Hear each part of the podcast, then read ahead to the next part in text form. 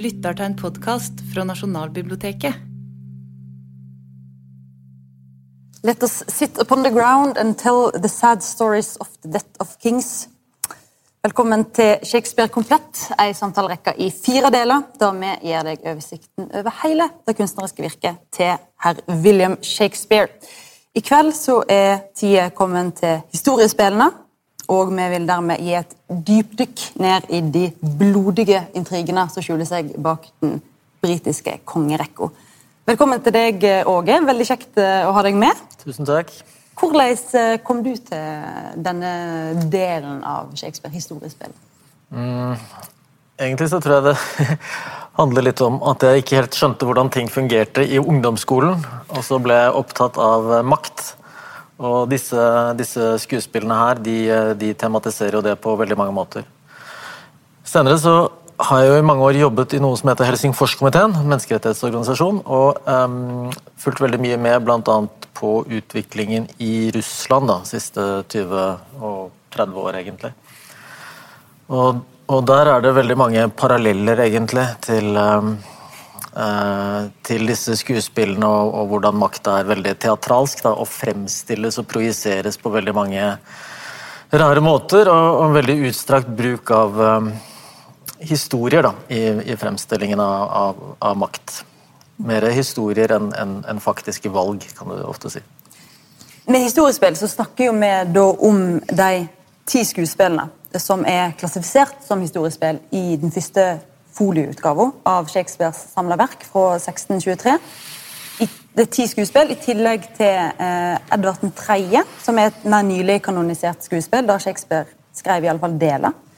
Og Det er jo snakk om en samling veldig forskjellige eh, skuespill, men de er alle da dramatiseringer av britiske kongers vekst og fall i de 400 årene før Shakespeares egen tid. Um, og det de har til felles, kan vel si, det er at er, de gir oss en tolking av historie der makta ikke blir fordelt etter et allment gyldig prinsipp. Eh, det er mer Makt er noe som blir tilkjempa, noe som blir vunnet, noe som blir tapt. Og det handler om krig, det handler om alliansebygging, det handler om manipulasjon. Så det vi vel helt innledningsvis og generelt kan si, er at Shakespeare gir oss en historie formet av mennesker og menneskelige aktører på, på godt og vondt.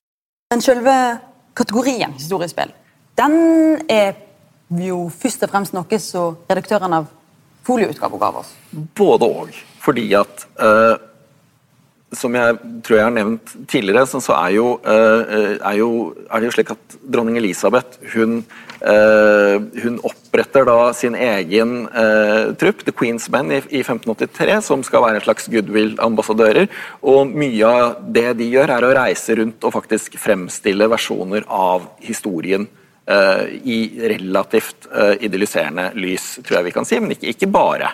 Men at det er en slags propagandafunksjon. Så det fins veldig mange historiespill fra sånn ganske tidlig av, 1580, tidlig 90-tall, uh, og så videre.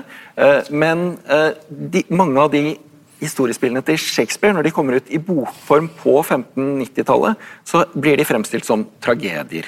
Tragedien om kong Rikard 3., f.eks. Eh, og Det er en av grunnene til at det ikke er så mange andre tragedier fra Shakespeares hånd på denne tiden. her. Snakket om at det var ganske få eh, innledningsvis. Men eh, da, når de setter sammen folioutgaven i 1623, så er det redaktørene eh, Hemmings og, og Condell som, eh, som, som, grupperer disse historiespillene som histories. Og det De gjør da er at de ikke går fram eh, kronologisk det, i den rekkefølgen de er blitt skrevet i, men at de setter det opp fra begynnelse. Du begynner med King John, eh, som er den tidligste kongen Shakespeare skriver om, og så slutter de med Henrik den 8., som jo er eh, pappaen til dronning Elisabeth, som er det siste stykket eh, vi vet at Shakespeare har jobba på også, som er fra 1613, og et samarbeid med eh, John Fletcher, som har skrevet to tredjedeler av det, men der selve fødselen til dronning Elisabeth er eh, en av de viktige hendelsene. Men det er en anomali, altså. Mm. Eh, som også setter en slags sånn punktum for hele Shakespeares karriere. Fordi at, fordi at vi vet at mens det ble spilt, under tittelen 'All Is True' i 1613, så brant også The Globe. Mm. Men alle de andre skuespillene er fra dronning Elisabeths tid i denne kategorien. her. Ja. Og Da får jo visse konsekvenser for, for hva vi kan anta måten de henger sammen med sin egen tid på. Mm, absolutt. Og dette her er jo tekster som, eh, som bare eh, Det er ikke det at de bare kan fungere under dronning Elisabeth, men de kan bare oppstå under dronning Elisabeth. Og Hvis vi tenker da at de begynner som en slags sånn statlig propaganda, så er jo det som skjer da på 1590-tallet, at man begynner å skjønne at dronningen kommer ikke til å få barn. Eh, dette kommer ikke til å bli et vanlig arvelig eh, monarki eh, der en sønn tar over etter sin far eller sin mor, men at det blir en annen form for maktovertagelse og, regentskifte. Og da blir jo eh, det å iscenesette disse ulike delene av historien, det blir en måte å gå gjennom de måtene dette kan skje på. ikke sant? Hvor, vi får en, eh, eh, og hvor det ofte fokuserer på alt annet enn fredelige maktovertagelser. Ja, så da på en måte kan si det at dette er skuespill som tematiserer samtidig politikk, altså 1590-tallspolitikk, gjennom 1400-tallspolitikk i en tid da sensuren ellers sto veldig sterkt. Det var jo faktisk ikke lov å snakke høyt om eh, hva som skulle skje når Elisabeth en gang døde. Nei, og det blir jo verre og verre eh, utover i eh, regimet hennes også. Og, og, og det siste eh, stykket Shakespeare skriver eh, i denne rekken, det er altså Henrik 5., er fra 1599. Etter det så er det ikke trygt å skrive historiske skuespill lenger. Ja, Så uh, Shakespeare sin omgang med fakta, altså hva som rent faktisk skjedde, den er omtrentlig. Uh, bør man kanskje advare om, hvis folk er veldig opptatt av den slags. Uh, så er ikke helt på tur, men det er ikke, uh, det er ikke, det det handler om. De som dør, de dør, og han, han, han touchstoner stemmer. Men, men det er jo hans forestillinger om hvordan ting kunne ha skjedd. Og eh, vel så masse som historisk spill som sådan, så er det jo da politiske spill. Det handler om makt, eh, som sagt. Mm.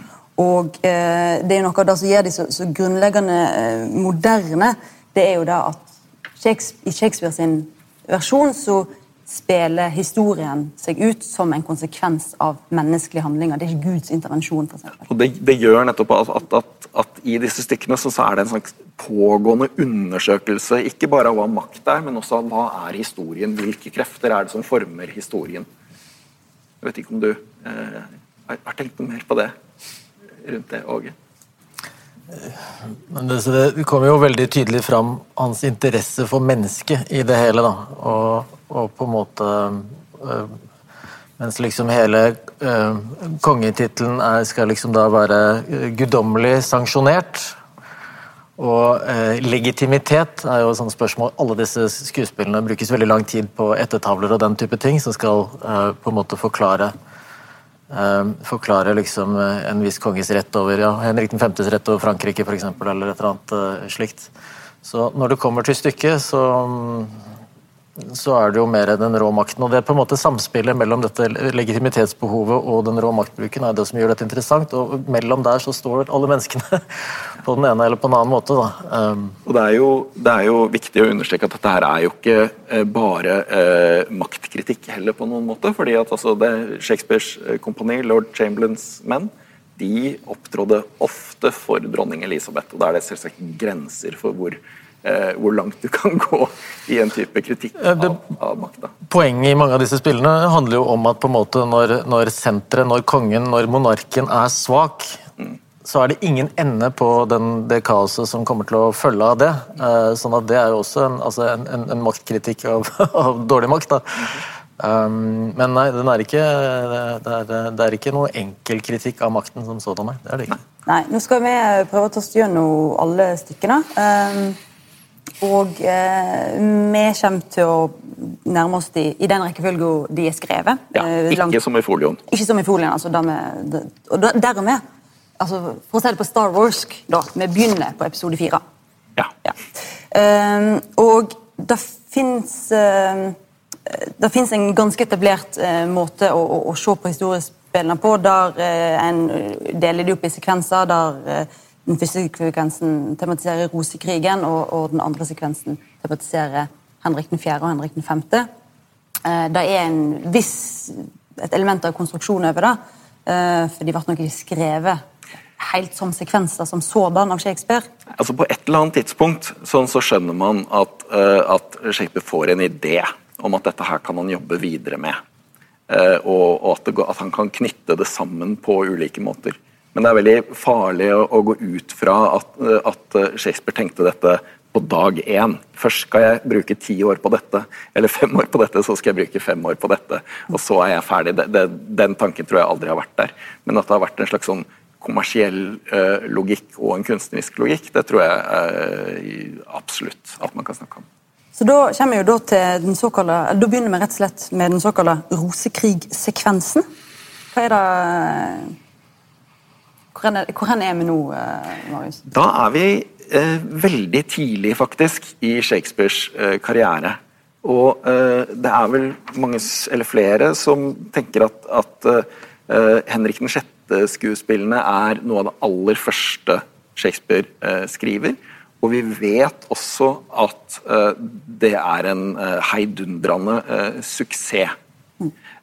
Så er det jo tre stykker da, om Henrik 6., ja, som alle sammen er fra sånn tidlig 1590-tall.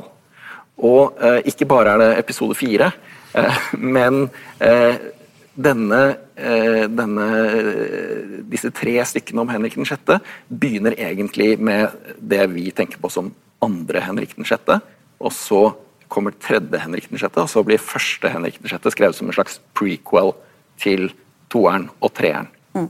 Men for enkelhets skyld så kan vi da etablere at disse tre skuespillene, Henrik 6. del 1, 2, 3, de dekker den historiske epoka fra Henrik 5. sin død i 1422 fram til Henrik 7.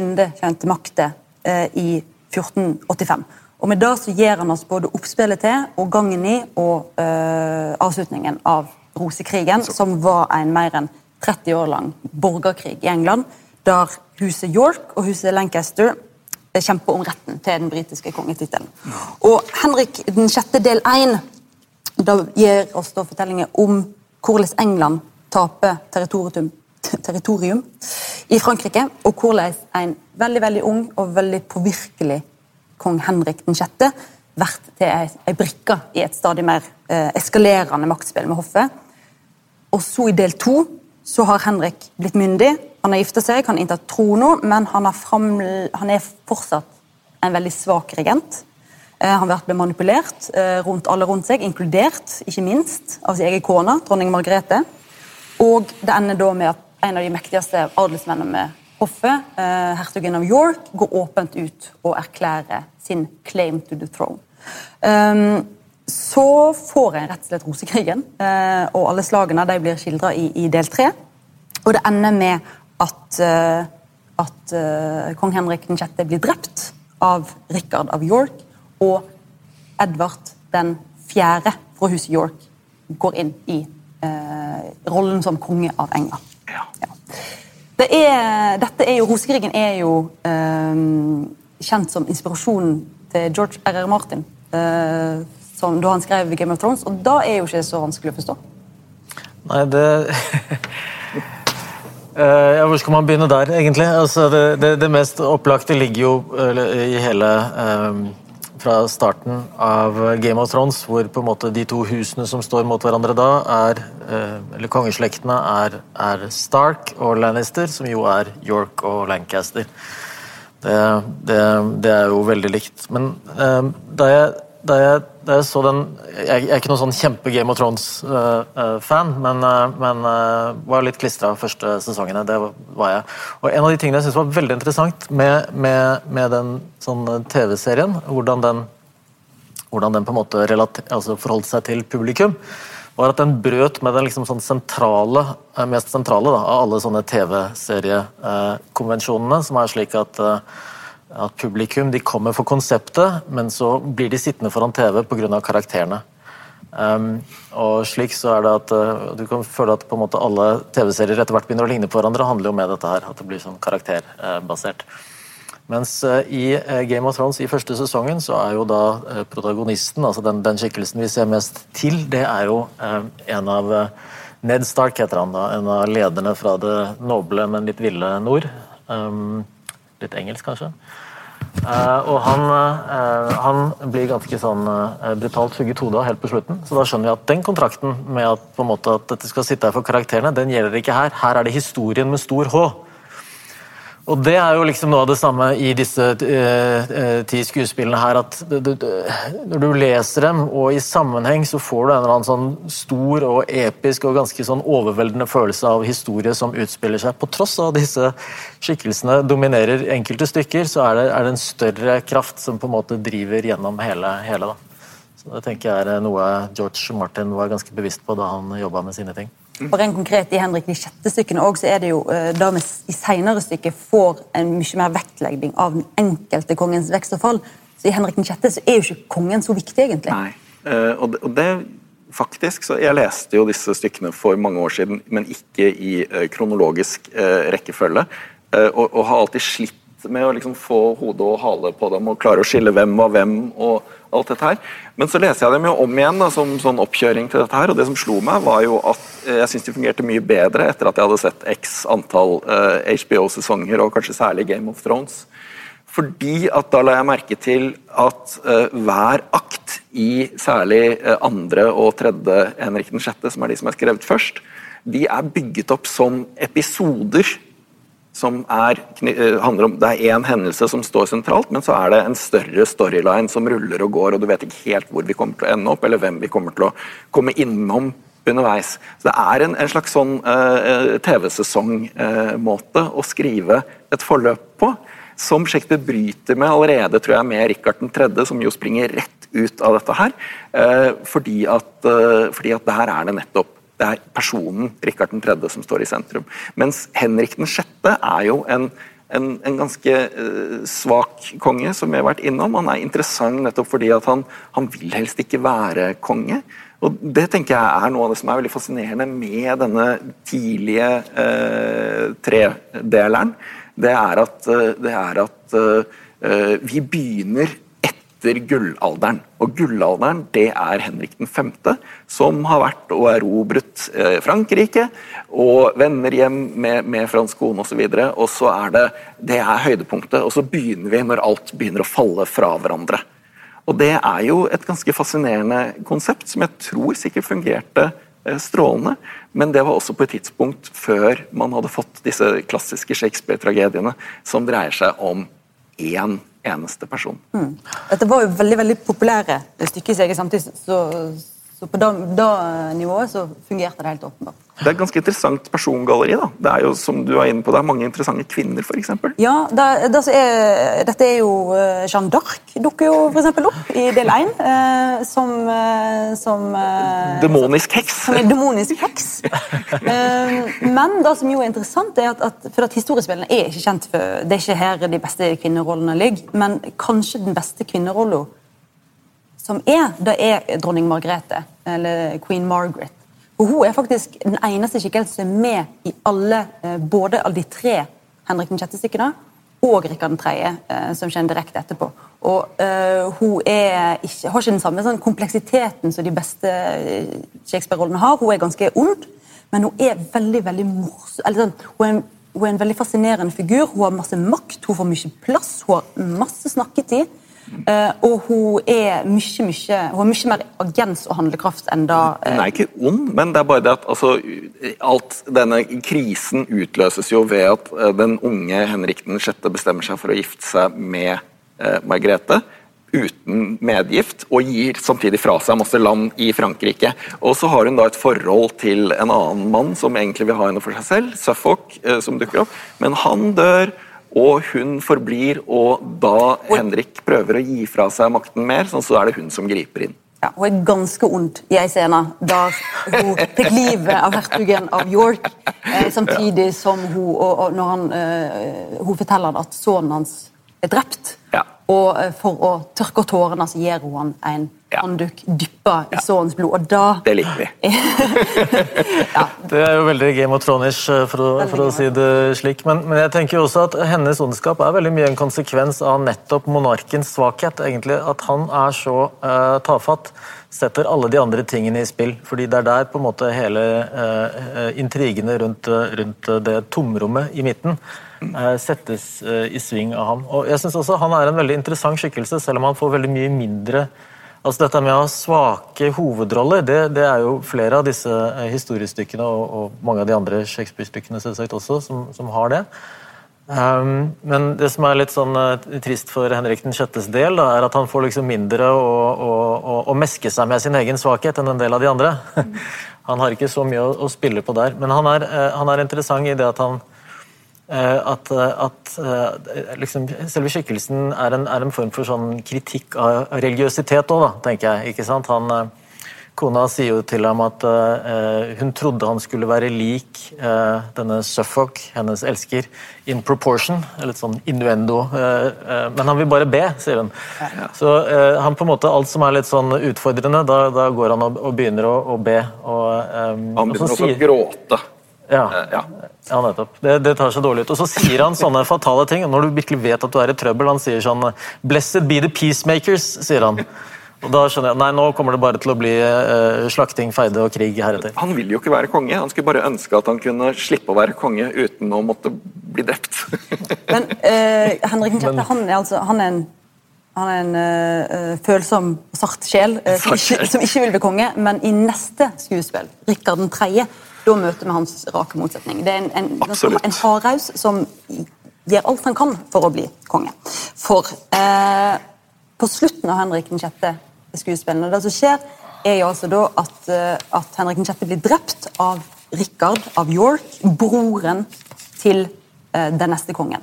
Edvard. Ja, Edvard. Eh, men Rikard han har ikke tenkt å stoppe der, og han er eh, tittelfiguren i det neste eh, stykket, som er strukturert mer som en tragedie. Altså Det er Rikard 3.s vekst og fall.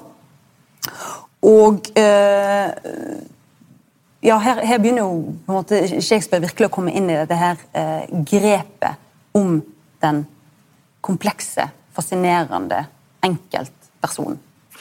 Absolutt. Og noe av det som er litt ganske interessant sånn teaterhistorisk eller forfatterskapshistorisk, er jo at de tre første eh, eller de tre Henrik den 6.-stykkene regner man med at er eh, samarbeidsprodukter. Der det er flere dramatikere som har gått sammen og, og jobba fram dette her. Mens Rikard 3. er fullblods Shakespeare. Og her får vi altså Fra første scene så er det Rikard som kommer fram og snakker til oss og snakker med publikum og sier 'her er jeg, dette er min plan'.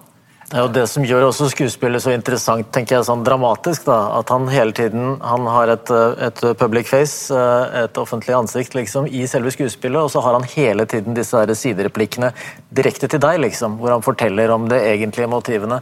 Og Det er jo også så utrolig genialt grep, for du får jo da på en måte, du blir trukket til han når han er på den måten, og får en viss sympati med da den mest liksom nedrige skikkelsen i litteraturhistorien, omtrent. Jo, men det er akkurat det. Det skapes en allianse mellom publikum og Richard. Han er jo en, en heslig figur på mange måter, som bare er opptatt av seg selv og spiller spillet og er en sånn skikkelig Machiavelli. Så stygg at hundene bjeffer når han går forbi? At hunden bjeffer når han går forbi.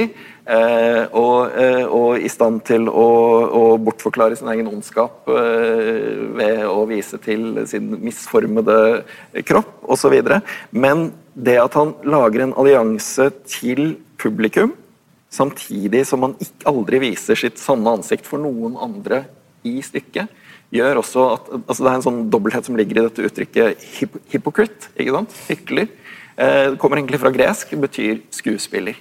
Så han er den fødte skuespiller, og da kommer det inn en sånn der, uh, metateatral bevissthet hos, uh, i Shakespeare som aldri egentlig forlater og Det synes jeg er kjempeinteressant. og Det er jo en sånn parallell nok en gang til, tilbake til jobben min og i sånn eh, postsovjetisk politikk. Så er det jo på et tidspunkt hvor han på en måte sitter med bønneboken, liksom. Mm. Og på en måte Nei, nei, jeg vil ikke bli kongen deres, jeg. Det blir altfor mye for meg. Og på en måte da regisserer på en veldig sånn Det er jo straight up Putin. ja.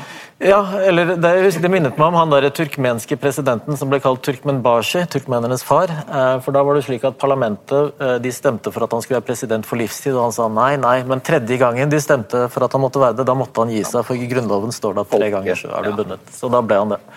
Så er det jo noe, altså, Rik André har jo den her helt klassiske eh, tragediestrukturen. Det er eh, hans vekst, der han eh, rydder alle av banen og inkluderer sin egen bror og blir konge. Men etter at han er blitt konge, så går det ganske raskt nedover igjen. Ja. Uh, men han er, som jeg sier, han er jo en av de på en måte, minst sympatiske karakterene til Shakespeare, som likevel får den her uh, fascinasjonen for, for han er så sabla interessant. Det er jo han som er den soleklart mest interessante. Eh, ja. Det vi føler er jo at verden er hyklersk, ikke han. Ja. Ikke siden, siden han snakker med oss. Det er jo, Hvis vi kan trekke fram ei scene, så er det jo ganske tidlig i stykket der han har har uh, lagt for dagen sin, sin onde natur. For oss. Ja. for oss, Og så møter han ei uh, viss lady Anne, som er enka etter Warwick, Warwick. Som han har drept som i har drept. tredje Henrik den ja. sjette. Så han møter, og han har ikke bare, bare drept, drept, mannen hennes, men han har også drept svigerfaren hennes. Ja. Som er Henrik den sjette.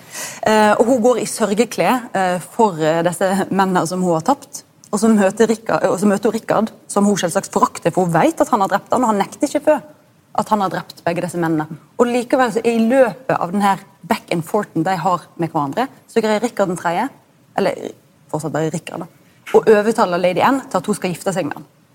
Og hvordan i all verden han greier det? Jo, det er jo nettopp for at dette er en mann som eneste han har å stole på her i verden, det er sitt eget snakketøy, det er sin egen uh, evne til å manøvrere seg mellom mennesker. Det minner meg om en sånn David Foster Wallace-novelle som heter The Asset. Hvor det er en, en, fyr som forteller en annen fyr uh, hvor vellykket han er til å sjekke damer, fordi han har en sånn en arm som er helt deformert som en liten finne. og Når han begynner å snakke om den, eller vise den fram, eller får noen til å ta på den, så har han dem i sin hule hånd. liksom. Så det er jo, det er jo samme greie her.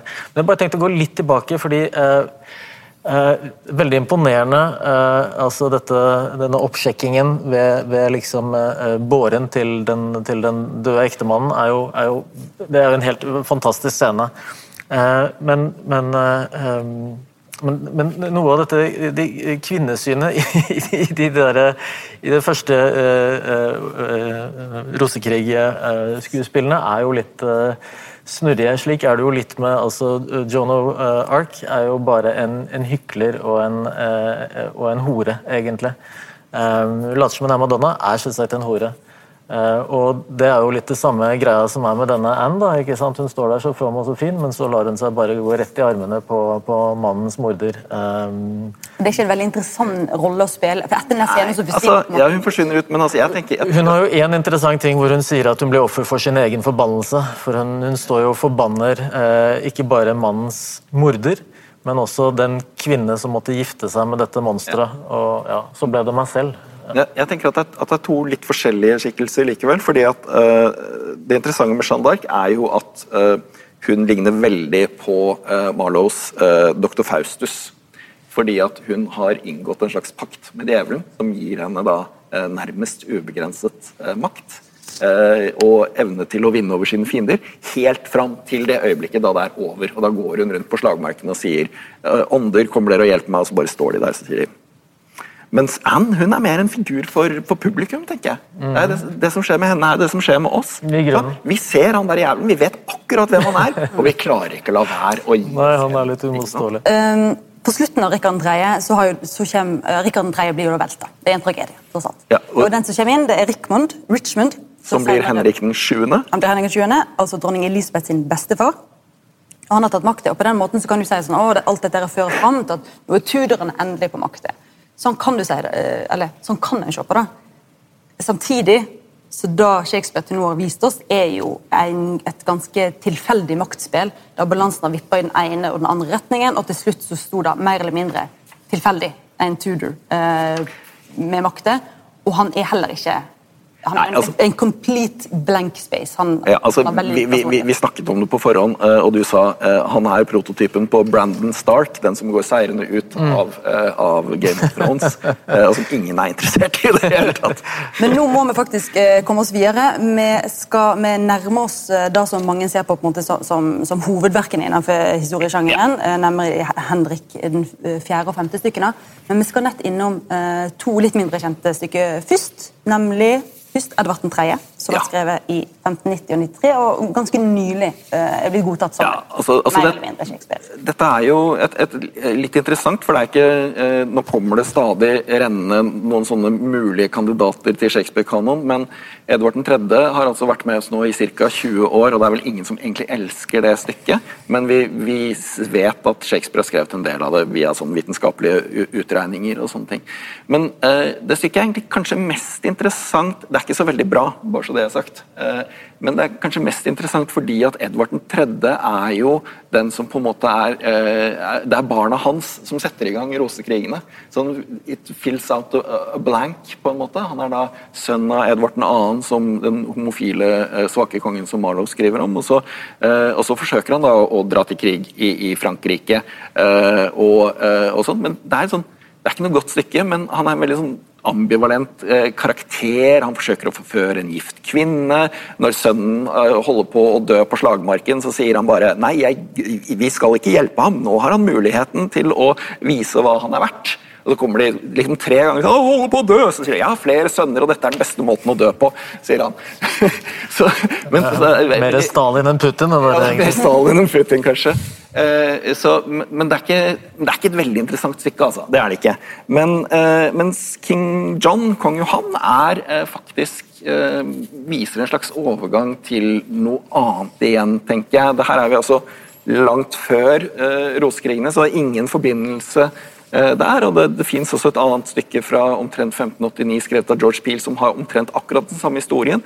Men det vi ser i kong Johan, som altså handler om at eh, kong Johan eh, opplever at hans eh, legitimitet er truet fordi det fins en annen arving, lille Arthur, en gutt, som har et sterkere krav på tronen enn ham, bestemmer han seg da for å, for å ta livet av sin eh, unge rival. og det er sånn, Hvis du har et barn i Shakespeare, sånn, så kommer det til å dø ganske fort. Det kommer til å gjøre vondt.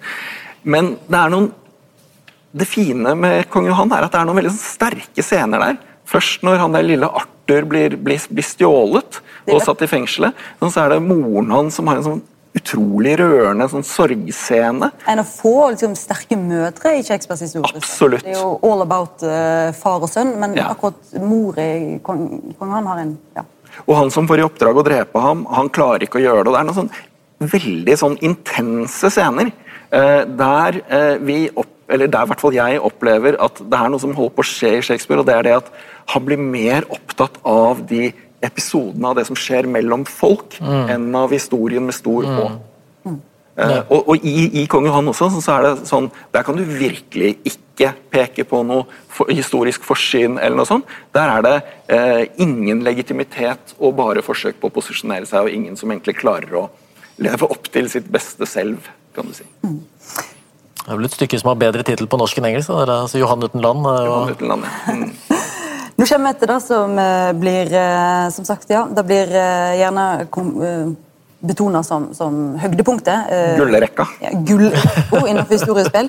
Det er altså de fire spillene som gir oss overgangen fra Rikard 2. til Rikard 4. og over til Henrik. Beklager. Rikard 2., Henrik den 4. Fjerde. og Henrik den 5. Som er altså historisk før eh, Ja, det er en slags prequel til eh, Henrik den sjette-spillene som, som eh, Shakespeare starter karrieren med. Ja. Noe av det som også er veldig fascinerende i Kong Johan, eh, for, å, for å ta det, det er at nettopp den scenen hvor, eh, hvor kong Johan får vite, eller har sendt bud for å drepe eh, denne lille Arthur, og så vender da adelsmennene seg mot ham samtidig. Eh, og Så forsøker han å fraskrive seg ansvaret, og så viser det seg at Arthur fortsatt lever. Og så blir han veldig sånn Ja, men jeg, der kan dere se, jeg mente ikke noe vondt. Og så faller lille Arthur ned og dør. og sånne ting. Det er en scene som er veldig lett å lese opp mot noe som faktisk tilhørte lisbethanernes nære fortid, som var at, eh, at dronning Elisabeth jo hugget hodet av uh, Mary, Queen of Scots.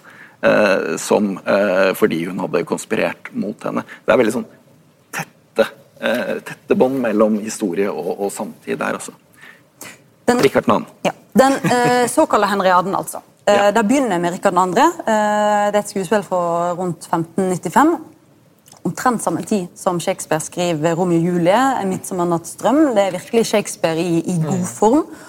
Og det som er at Rikard 2. det er også strukturert som en tragedie som følger tittelkarakterens vekst og fall. Og Rikard 2. er en, en, en, en rettmessig konge av England, men han er òg en konge som neglisjerer det politiske spillet og nødvendigheten av å bygge allianser. Nødvendigheten av å være på god fot både med, med, med folk i hoffet og med, med folket. Eh, så det som skjer, er at eh, han mister gradvis grepet om kongemakta. kan bare skyte inn før jeg gir ordet til Åge, at, det er veldig tydelig i begynnelsen, første scenen i, i Rikard 2. Eh, der er det altså en, en eh, konflikt mellom Er det Mowbray? Ja, Mowbray og Mowbray Bolingbroke. og da uh, eh, vår venn eh, Bolingbroke, som senere blir Henrik 4. Eh, og når du kommer inn i det stykket og ser det, så er det umulig å finne ut hva den konflikten egentlig dreier seg om. Hvem som har gjort hva, hvem som beskylder hvem for hva, hvem som har rett, hvem som har feil. Og så bryter da Rikard 2. helt sånn, uh, helt sånn uh, tilfeldig, nærmest, I was not born to sue, but to command. Nemlig. Han, han bare avbryter den duellen som de skal ha, og så sier han at, at ok, du Mowbray, du blir forvist for alltid. eh, Du Bolingbrook, du, du blir forvist for noen år. Og det er fullstendig vilkårlig. Men Enda er- mer vilkårlig. Først sier han ti år, og Ja. så eh, han, han går plutselig ombestemmer Nei, seks år. Han, begynner å forhandle. Ja. Eh, og, og, og da fremstår han også som en veldig sånn svak hersker. fordi at skal du være vilkårlig, så må du være absolutt. Det, Så det, så, ja. og det, så, altså, det er jo her blir handlingen i stykket blir lagt med at Rikard 2. forviser Henrik den, eh, han, han forviser Henrik Bollingbrook. Ja. I tillegg så tar han, etter at faren til Henrik Bollingbrook, John Gaunt, dør, tar Rikard 2. landet hans. Han tar farsarven til Henrik Bollingbrook. Fordi han vil gå til krig. fordi han vil gå til krig mot Irland. Og da får Henrik Bollingbrook en unnskyldning til å komme tilbake til England, og sakte, men sikkert så bygger han seg opp støtte, og sakte, men sikkert, det er litt uklart hvordan, så blir det et slags krav om at han skal bli konge.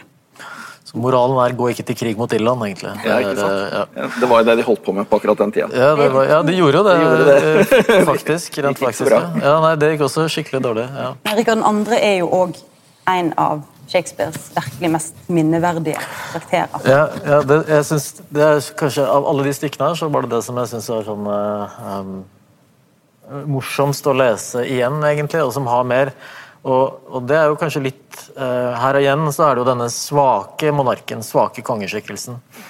Um, men, uh, men det jeg tenker på liksom, jeg tenker på det, han som skikkelse, det, det er at også dette her er sånn uh, oppdagelsestiden. Altså Amerikas oppdagelse og koloniene og vitenskapen første tid og, osv.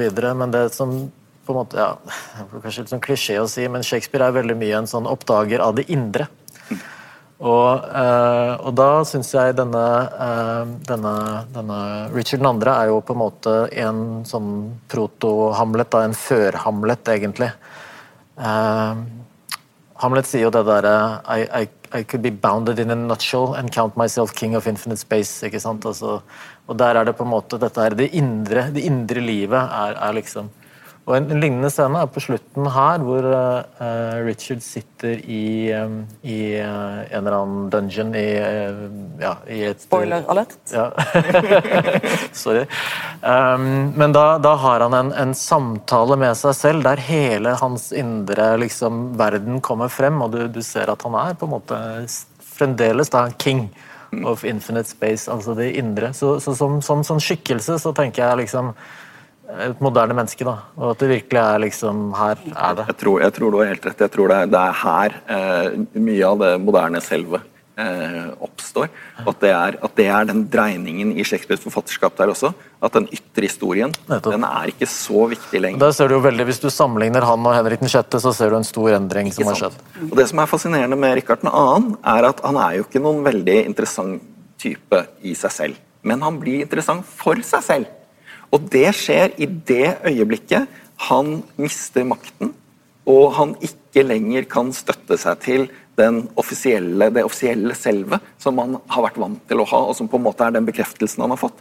Når den bekreftelsen faller bort, så begynner han å stille spørsmålet Men hvem er jeg egentlig? Ja. Og det gir jo da at, at, at eh, han blir en mer og mer fascinerende figur etter hvert som han mister makt. Yes. For det som skjer er jo at Han blir erstatta av Henrik Bolingbrook.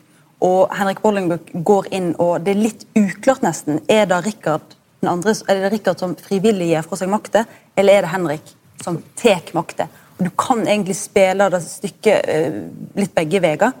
Men uansett så er det at uh, Henrik Bolingbrook han er jo en ganske kjedelig type.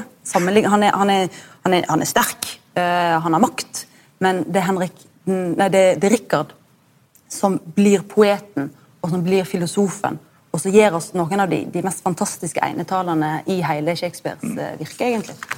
Og, uh, i, og rundt dette her, da, rundt disse her to personene, så er jo kjernespørsmålet er det riktig å avsette en monark. Hva kan legitimere? Og Når uh, har en konge sjøl uh, tatt fra seg eh, retten til å regjere?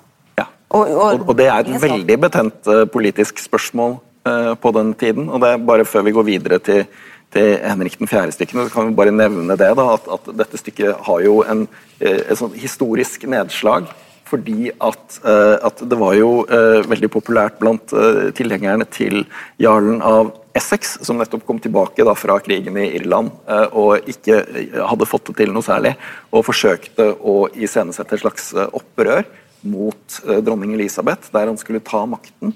Og for å på en måte oppildne tilhørerne sine, så leide de da The Globe og Shakespeares kompani og fikk dem til å sette opp Rikard 2. Og dette var ganske betent, fordi at i 1599 så hadde det kommet et, en historisk framstilling av akkurat de samme hendelsene, som hadde blitt, eh, som hadde blitt forbudt, faktisk. Eh, mye fordi at den hadde en til tilegnelse til Essex. Eh, Så, men Shakespeare slipper unna. da. Det som skjer er at Dagen etter denne forestillingen så faller hele dette opprøret fra hverandre. Essex blir, eh, blir satt i fengsel og etter hvert halshugget. Eh, jarlen av Southampton, som Shakespeare dediserer, dediserer unnskyld, eh, disse tidlige langdiktene sine til, Ja, blir altså, satt i fengsel. Fordi det var en mulig kjæreste-elsker eh, av Shakespeare I hvert fall også. en, en nær forbindelse. ikke sant? Eh, han er da Essex høyrehånd, men han blir ikke dømt til døden.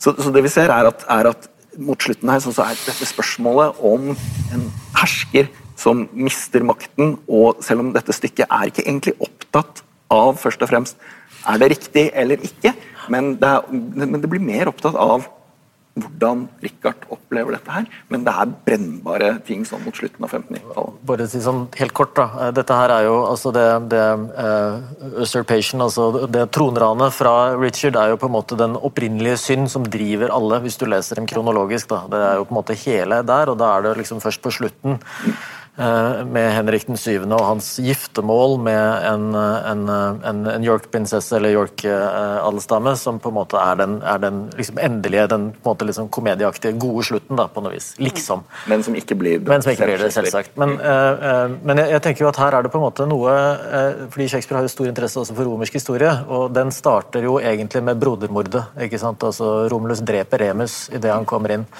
Og Romerne sa hele tiden at dette er en forbannelse over oss, og dette gjentar seg gjennom hele vår historie. Og Det er noe liksom sånn eh, paralleller da, som, eh, som Shakespeare forsøker å eh, fra romersk historie inn i, inn i hans eh, liksom, engelske historie, som han forsøker å putte, og som har også noe å gjøre med utviklingen av en engelsk sånn, imperie-selvfølelse. Ja. Og ehm, Henrik sin tilraning av trona for Rikard kaster jo òg lange skygge inn i de neste spillene, som er Henrik den 4. del 1 og del 2, og òg Henrik den 5., som kommer etterpå. Og Disse tre spillene de er skrevne mellom 1596 og 1599, og de kretser jo ja, faktisk ikke så mye om Henrik, rundt Henrik den 4. Det, det kretser mye mer om konsekvensene av at Henrik trona på litt uh, shady grunnlag. Ja, og Det siste han sier da i Rikard 2., er 'jeg skal dra til Jerusalem for å bøte for min synd'. Ja. Og så i Henrik den fjerde-stykkene sånn så sier han uh, Det funka ikke.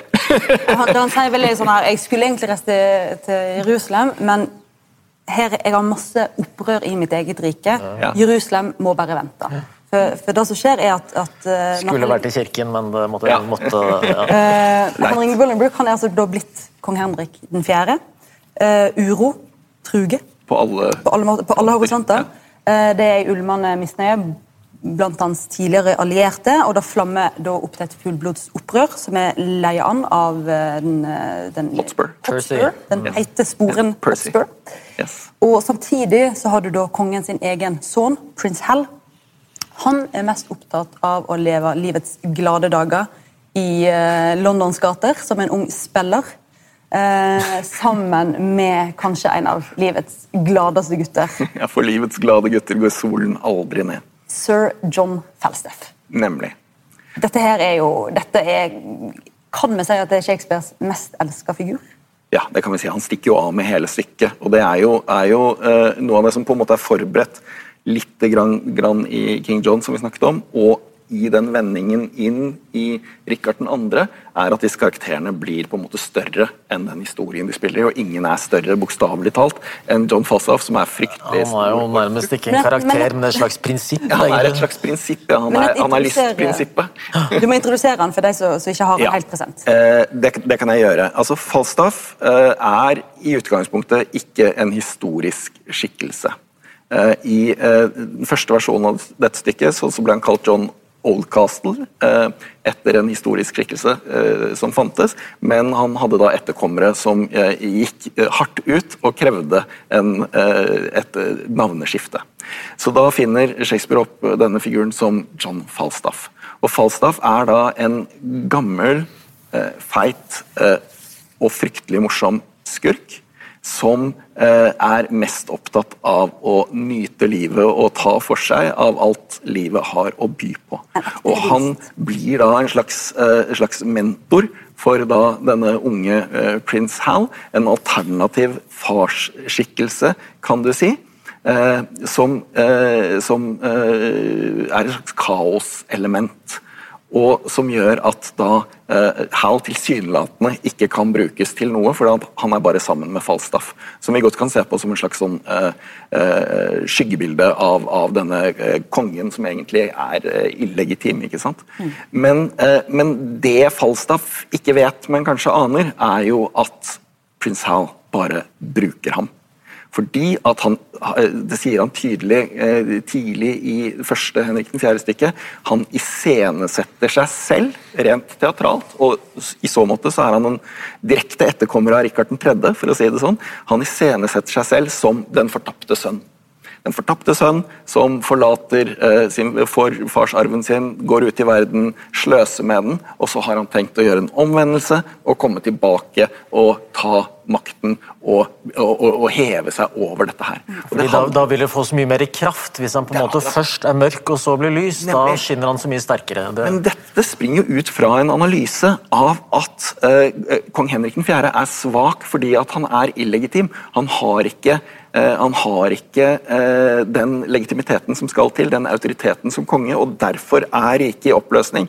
Så Hal tenker at, at det han gjør, er at han på en måte adskiller seg fra den farsfiguren, sånn at han kan tre inn som en rettmessig arving og overraske alle mot slutten. Så, så på en måte kjernen i, uh, i Henrik uh, fjerde er prins Hal uh, og hans uh, farsfigurer. Og, og spesielt som sagt, at forholdet mellom prins Hell og Falstaff er livsåra i dette stykket. Og Det er livsåren, absolutt. Det når jo et helt sånn fantastisk dramatisk høydepunkt i akt to, scene fire. For da er, bare for å sette syn, så er jo da eh, Falstaff og Hell er på vertshuset Hogshead i London, i Eastcheap. ja, det er Boar's Head, er det ikke det? Boar's Head, ja. Det var den beste produktplasseringen i litteraturhistorien. akkurat... eh, Eh, jeg var plutselig i, i Harry Potter-universet. Men um, de, de er på dette vertshuset i, i London, og så kommer det et bud som sier at prins Hell må innfinne seg på Slottet i morgen tidlig, for kongen vil snakke med ham. Og Da sier Falstaff du kommer til å få kjeft. La oss øve på denne scenen. Jeg kan være kongen, og så er du deg sjøl. Og så skal vi spille ut denne audiensen hos kongen.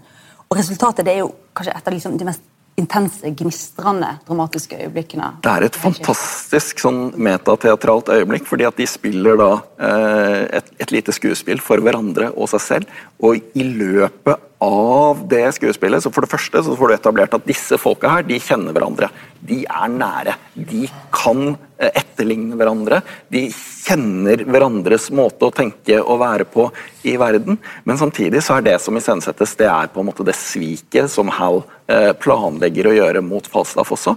Fordi at når når, eh, når, Falstaff da er kongen, sånn så begynner han å snakke om at men du må komme, men du må for all del eh, ta med deg Falstaff. Han, du kan kvitte deg med alle andre, men ikke med gode, tjukke, gamle, ærverdige Falstaff. Han må du ta med deg videre inn i æren. og så, fordi at hvis du kvitter deg med Falstaff, så kvitter du deg med verden. Ja. Banish Jack and banish the world. Banish Jack and banish the world, riktig. Og da svarer prins Hell disse, disse utrolig enkle, men mangetydige ordene I do i will. Ja. Veldig nifs, men Hal er jo en nifs-figur. Eh, det er jo en annen berømt Hal, altså den fra liksom 2001, en romodyssé. Eh, så det er noe et eller annet robotaktig ved, ved, ved, Hal eh, hele veien, syns jeg, på noe vis. Det er kalkulerende. Han er den beste spilleren, og, og også på den måten at han, han, han får jo ting skikkelig til. Da. Mm. Gjennom hele veien, men det er jo et eller annet at uh, Du mister jo sympatien helt for han når han fornekter egentlig Falstaff på slutten. Og da er sånn eh, Henrik den 4. del to slutter jo med det. Ja. At eh, prins Hal er da eh, endelig blitt konge. Han er blitt Henrik den 5. Kong, eh, og Falstaff kommer til han eh, frydefull, for nå tenkte jeg at nå skal vi endelig ja. Nå er kompisen min blitt konge. Skal Men det som skjer, er jo at han avviser ham han avviser fullstendig. Mm. Mm. Og eh, vi er vel, så vidt jeg vet, så er vi litt samstemte i at kong Henrik 5. er et mye dårligere og kjedeligere stykke, nettopp fordi at det mangler jo Falstaff. Ja, altså, altså, Rent historisk, altså, altså, teaterhistorisk, så kan det være så enkelt som at den som spiller Falstaff, og som rollen er skrevet for, er komikeren Will Kemp, som mm. forlater uh, lord Chamberlains menn på et eller annet tidspunkt. Men samtidig så er det, eh, er det, det er på en måte det spillet Hal eh, holder på med i de Henrik 4.-stykkene, det dreier seg om at han skal komme i den posisjonen der han kan bli den heltekongen som eh, de tidlige stykkene tar for gitt at han er. Problemet er bare at når han da eh, avviser og forkaster Falstaff, så forkaster han også alt det som gjør at vi er glad i ham og er interessert i ham. Og du er ikke så glad i Henrik den 5. Syns ikke heller Nei, ikke, jeg synes på en måte det, det, sånn hele, det, første handler jo veldig mye om ære, og egentlig det gjør hele den trilogien der. da. Eh, Sånn at uh, Hotspur er jo den som han, han, snakker jo bare ære, og Hal sier jo også om han, denne opprøreren, um, at han er den mest ærefulle av dem alle. Uh, mens i det skuespillet, det stykket, så har jo Falstaff en sånn veldig berømt enetale om ære. Hva er ære? Er det, kan det liksom brukes til å reparere en arm? Nei. Hva er det? Det er bare et ord. Det er luft. Det er ingenting. Ære hadde han som døde sist mm. onsdag. Hva har han nytte av det nå? Um, så han punkterer jo det greia der hele tiden. Og, Helt stille, rett og slett. Ja, nettopp. sånn at Hvis han skulle på en måte slippe til med noe sånt som det der i Henrik 5., så ville på en måte liksom ikke... hele, hele, greia sett litt annerledes ut. fordi her er det jo også, Henrik 5. handler jo litt om at på en måte for å uh, vaske seg for synden ved dette kronranet, tronranet til faren, så drar han for å erobre Frankrike, egentlig.